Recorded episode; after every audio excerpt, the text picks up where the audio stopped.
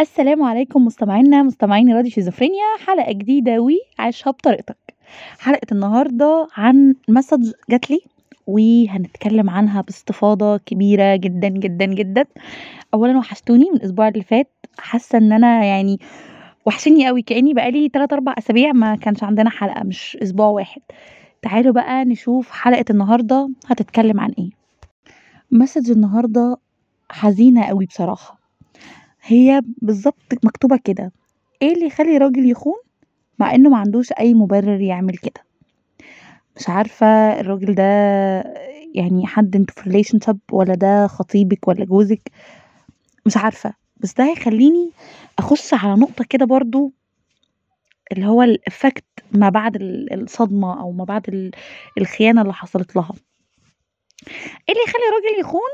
هو إنه مش كانش من البداية جدير بالثقة أو ما كانش من البداية راجل يُعتمد عليه وحد جدير بثقتِك وبحُبِّك وبمشاعرِك، اخترتِ اختيار غلط فده اللي يخلّيه حد مش مش إن أنتِ تثقي فيه أو إن أنتِ تختاريه في حياتِك كشريك لحياتِك فبيخون، ده ده ده اللي بيخلّي الراجل يخون. أنانية بقى، ضعف منهم، عين زايغة، أيًا كان المبرر أو المسمى اللي هنحطه تحت ال اللفظ خيانة نفسها، بس هو في الأول وفي الآخر بيرجع إن أنا كنت حد اخترت اختيار مش صح، اختيار مش سليم. أكيد كان في مبررات كتير أو كان في آآ نُقط كتير بتبين لي إن بلاش، بلاش وأنا ب كنت باروح لها برجليّا. آآ ده عشان أنا حبيت، ده عشان أنا وثقت، ده عشان آمم اديت أمان بزيادة. يعني بحكم إن ده مش تخصُّص برنامجنا أوي، فإحنا ممكن نسيب المسج دي لآية طارق ترد لنا عليها بقى يوم الأحد وتقول لنا إيه اللي يخلّي راجل يخون آآ وهو ما عندوش أي سبب أو أي مبرر للخيانة. هنيجي بقى للجزء بتاع برنامجنا اللي ليه علاقة بينا إحنا. دايمًا بنخش حياتنا أو بيخش ناس حياتنا فيعملوا لنا صدمة معيّنة أو يسيبونا في موقف معيّن أو يأذونا بطريقة معيّنة، وبعد ما بيخرجوا ساعات بنتخيل إن هُم خرجوا بأقل ضرر، يعني هُم خرجوا من حياتنا بس إحنا ما اتضرّناش أو أنا ما اتضريتش بعد خروجهم وأبقى مستغرب إزاي أنا وقفت على رجلي بعد ال الخبطة اللي أنا كنت متخيل إن هي هتبقى نهاية العالم، إزاي ما بقتش نهاية العالم وإزاي وقفت على رجلي. وبعد فترة من الوقت يرجع يخش حد تاني حياتنا أو يرجع نتعرّض لحد تاني يبقى في كلام أو صدام مع حد تاني، فنكتشف إن إحنا ما شفيناش مِيّة من مِيّة، يعني إحنا ما بقيناش أو ما تخطيناش الصدمة الأولانية بنسبة 100% أو ممكن نكون ما تخطيناهاش أصلًا. أُمّال إحنا إيه كل اللي إحنا مرّينا بيه ده أو إزاي كانت الفترة دي فيها سلام وهدوء وسكينة وما كناش حاسين إن في أي مشكلة ولا في أي ضغط أو الموضوع دوّة ما كانش على دماغنا. الحكاية كلّها بتحصل إن أنت بعد الصدمة أو بعد الضربة اللي خدتها جسمك بيكون خلاص حطّها في حتّة كده في اللاوعي عنده عشان أنت عايز تتجاهل المشكلة دي أو تتجاهل الموقف ده، ما تقعدش تفكّر فيه كتير، فبيكون اتحط عندك كده في حتّة كده اللي هو أنا مش شايفك، أنا مش حاسّك أو أنا مش موجود قدّامي الموقف ده، هو ما حصلش. بتبدأ تنكره لدرجة إن أنت من كتر نكرانه خلاص بيبقى عندك موجود في حتّة كده صندوق أسود بتاعك لوحدك آآ ما حدّش شايفه غيرك، وبتبقى بتتعامل بشكل طبيعي مع الناس اللي حواليك وبتتعامل بشكل طبيعي في حياتك، ممكن تيجي على شخصيتك شوية تغيُّرات، يعني مثلًا لو أنت حد آآ ما بيفكّرش كتير فيبقى عليك عادة جديدة إن أنت بتفكّر كتير أوي، أو أنت ال المواضيع بت بت بتشغل دماغك كتير أوي.